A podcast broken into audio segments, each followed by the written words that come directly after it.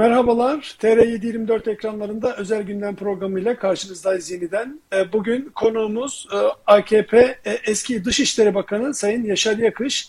Bildiğiniz gibi Türkiye dış politikası en hareketli günlerinden bir tanesini yaşıyor. Son 24 saatten bu yana tezkere geçti, geçmedi. Geçtikten sonra muhalefetin buna desteğini oldu ya da CHP'nin tavrı en çok konuşulan konulardandı. Ee, konunun uzmanlarından AKP eski Dışişleri Bakanı Yaşar Yakış'la konuşacağız. Yaşar Bey hoş geldiniz, merhabalar. Hoş bulduk, merhaba. Ee, öncelikle programımıza katıldığınız için teşekkür ediyoruz. Bu sıcak gelişmeyi sizinle değerlendirmek istiyoruz.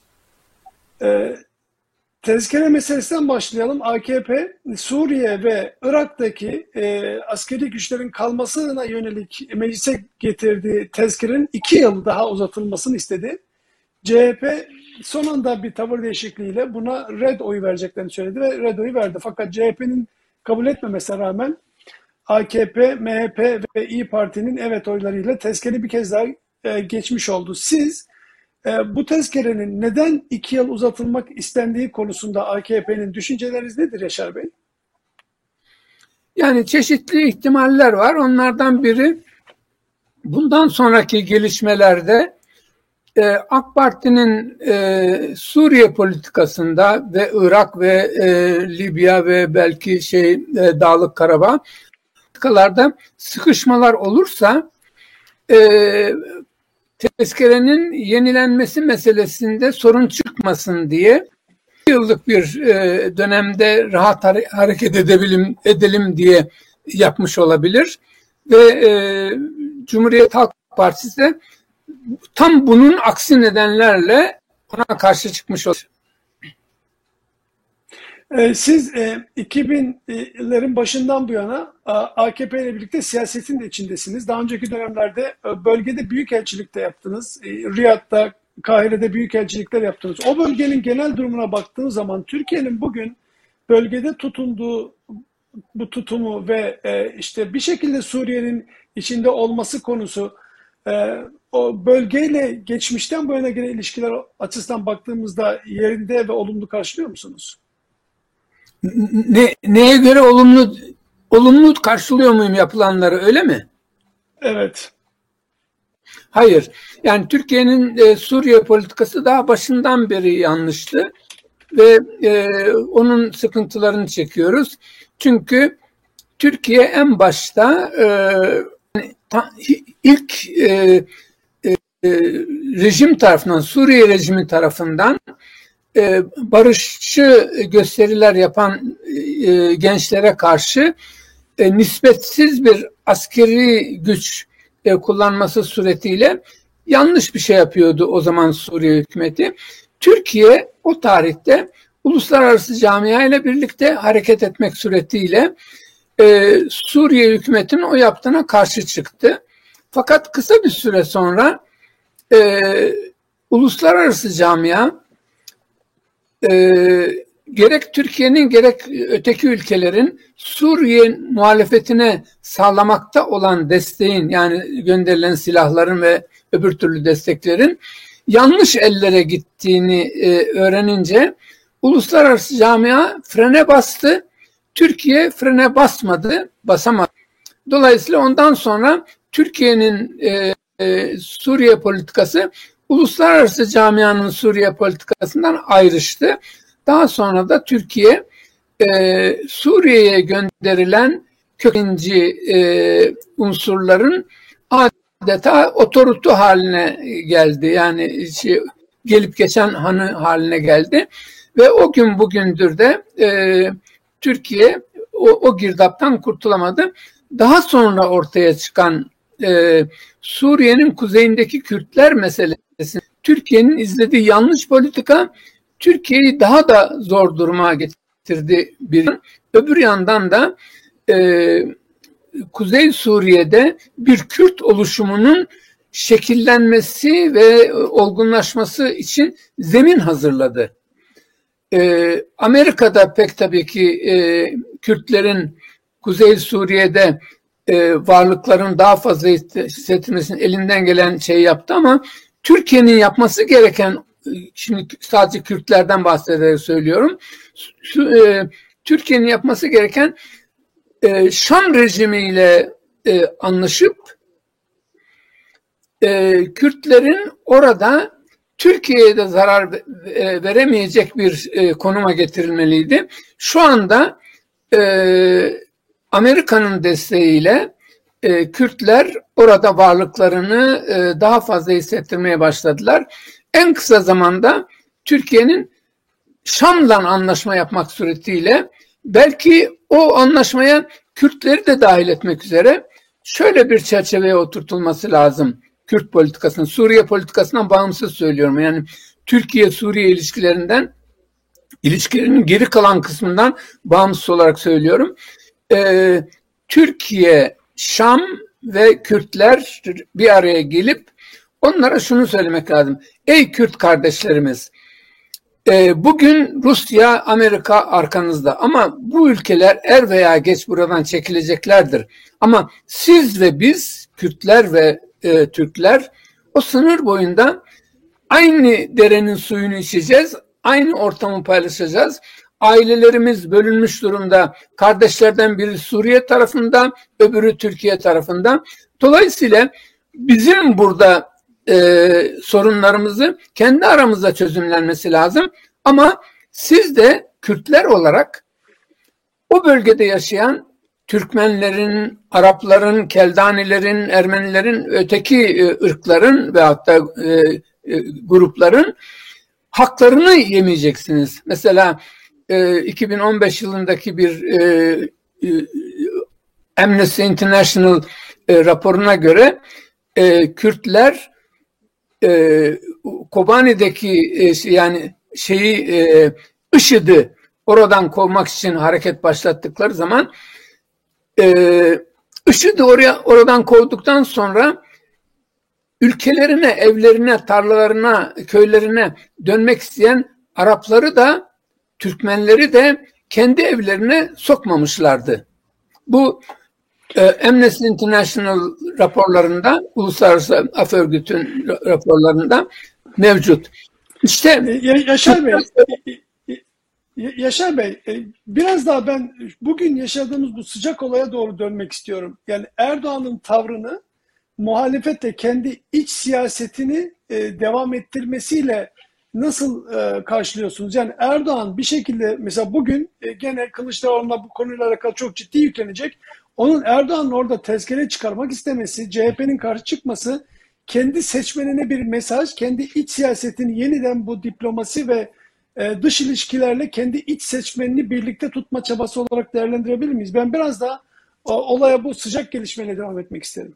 Ben, ben e, e, asıl amacın ondan ziyade en başında söylediğim e, iş, işler sarpa sarar da e, tekrar e, yani şeyin durumun Suriye ile Türkiye arasındaki ilişkilerin daha gergin hale gelmesi. Mesela bugünlerde İdlib'de e, Rusya'nın ve e, e, müfrit e, şeylerin kendi aralarındaki çatışma nedeniyle orada yeni e, ölümler oldu, şehitler verildi kendi taraflarından.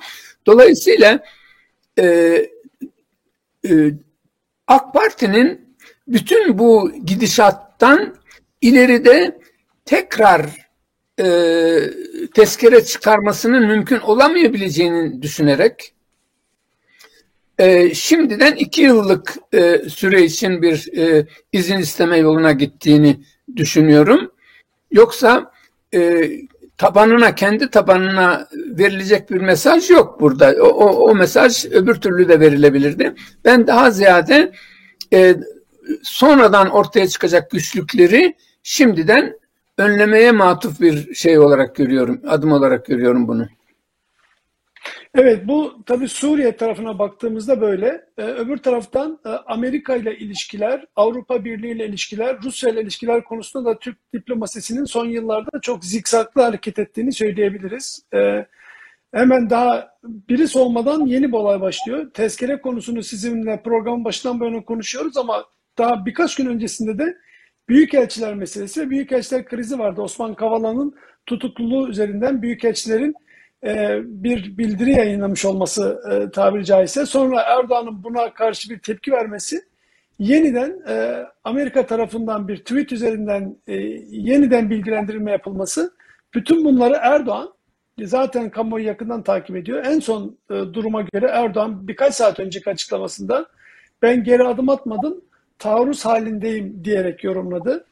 Siz büyükelçilerin konuya bakışını, Erdoğan'ın tutumunu, sonrasındaki üçüncü adımı da değerlendirdiğiniz zaman bir e, taarruz hali var mı? Ya da geriye adım atanlar o 10 büyükelçi mi e, yoksa Erdoğan cephesi mi? Nasıl değerlendiriyorsunuz? E, bence Türkiye en başında e, çok ileri bir adım atmıştı. Yani e, yutamayacağı lokmayı ağzına almıştı.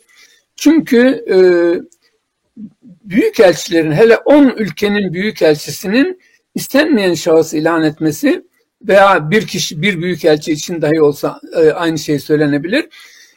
Bir büyükelçinin istenmeyen şahıs ilan edilmesi o ülkeye savaş ilan edilmesinden bir önceki aşama olarak kabul edilir diplomaside.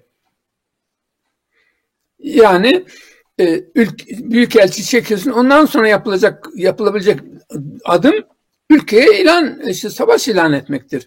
Yani Türkiye adeta savaş ilan etmenin bir önceki aşamasına gelmişti. E, ve öyle zannediyorum ki e, araya e, dışişleri bürokratları yani bu işin teknisyenleri diyebileceğimiz insanlar olmak suretiyle e, Sayın e, Mevlüt Çavuşoğlu'na verdiği talimatı Çavuşoğlu muhtemelen bakanlıktaki arkadaşlarına götürmüştür. Onlarla bir çıkış yolu bulabilir miyiz çözümünü aramışlardır ve şimdiki çözümü bulmuşlardır. Yani e, o 10 ülkenin e, merkez makamları, e, dışişleri biz e, 1961 tarihli e, diplomatik ilişkiler hakkındaki e, Viyana Sözleşmesi'nin 41. maddesini uyguluyoruz demek suretiyle zaten yapmakta oldukları bir şeyi teyit etmiş oldular. Türkiye de bu e, cevaplarını onların geri adım atmaları şeklinde telakki etmek suretiyle bir orta yol bulundu. Bu da bence her iki taraf diplomatlarının bir başarısıdır. Doğru olan buydu. Ee, en başında bu noktaya gelinmeseydi daha iyi olurdu. Ama Sayın Cumhurbaşkanımızın e, ben Mevlüt Çavuşoğlu'ya talimat verdim. E, bu büyükelçilerin e, e, istenmeyen şahsı ilan etmesi yolunda girişimde bulunması demesinden sonra ortaya çıkan durumda e, Türkiye e, bir çeşit o orta, bulunan orta yol sayesinde iki tarafı da tatmin eden bir yol bulundu. En iyisi bu oldu şu anda. Yani en iyi çözüm buydu. Peki sonuç itibariyle e, iyi bir yere bağlandığını konunun görüyoruz. Ama Erdoğan mutlaka bu çıkışını kendi siyaset bakışıyla e, yapmıştır diye düşünebiliriz herhalde bugüne kadar yaptığı gibi. Dolayısıyla yine kendi tabanına ve kendi seçmenine e, ben batıya da gerekirse e, masaya yumruğumu vurarım mesajı mı veriyor acaba? Verdi ama yani biraz bu konuları bilen insanlar e, ve uluslararası e, basında da yansıtılan şekline de bakarsanız Türkiye burada geri adım atan taraf Türkiye oldu.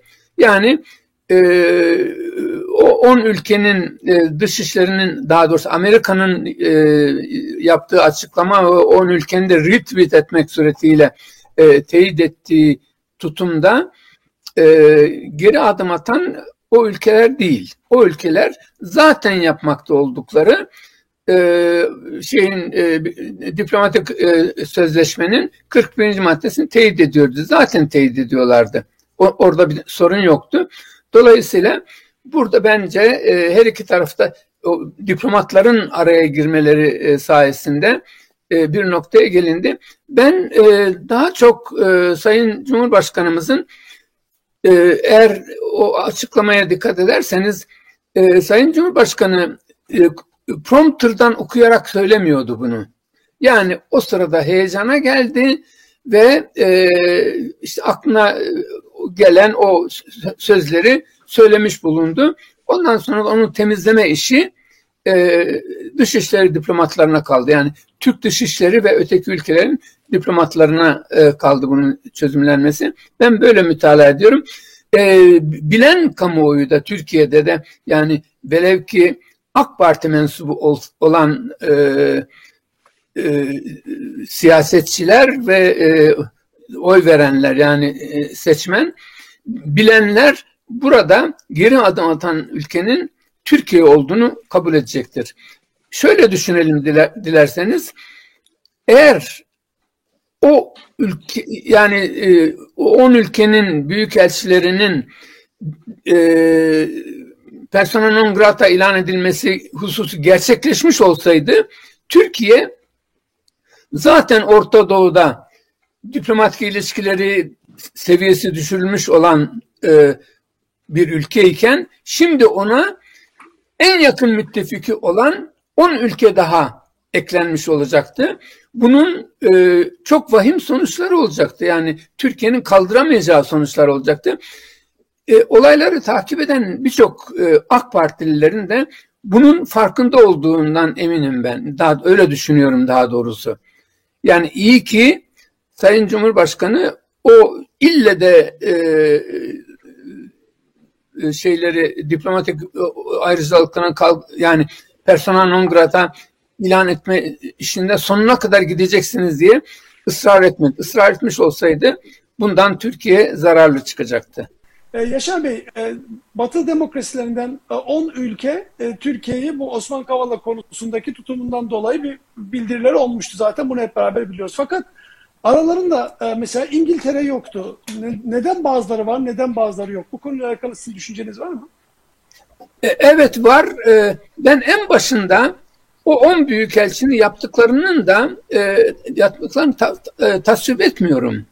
Yani bu iş başka türlü yapılması lazım. Ben o ülkelerden birinin büyükelçisi olsaydım böyle bir araya gelin zaman arkadaşlar, meslektaşlarım bunu böyle yapmayalım e, isterseniz teker teker her ülkenin büyükelçisi Dışişleri Bakanı, Türk Dışişleri Bakanı'na gitsin. Orada bu e, Kavala veya başka konulardaki hissiyatını dile getirsin ve ondan sonra da e, dış e, Türkiye bir hukuk devletidir, ondan sonra yargı bağımsızdır falan diye kendilerine bir şeyler söyleyecektir.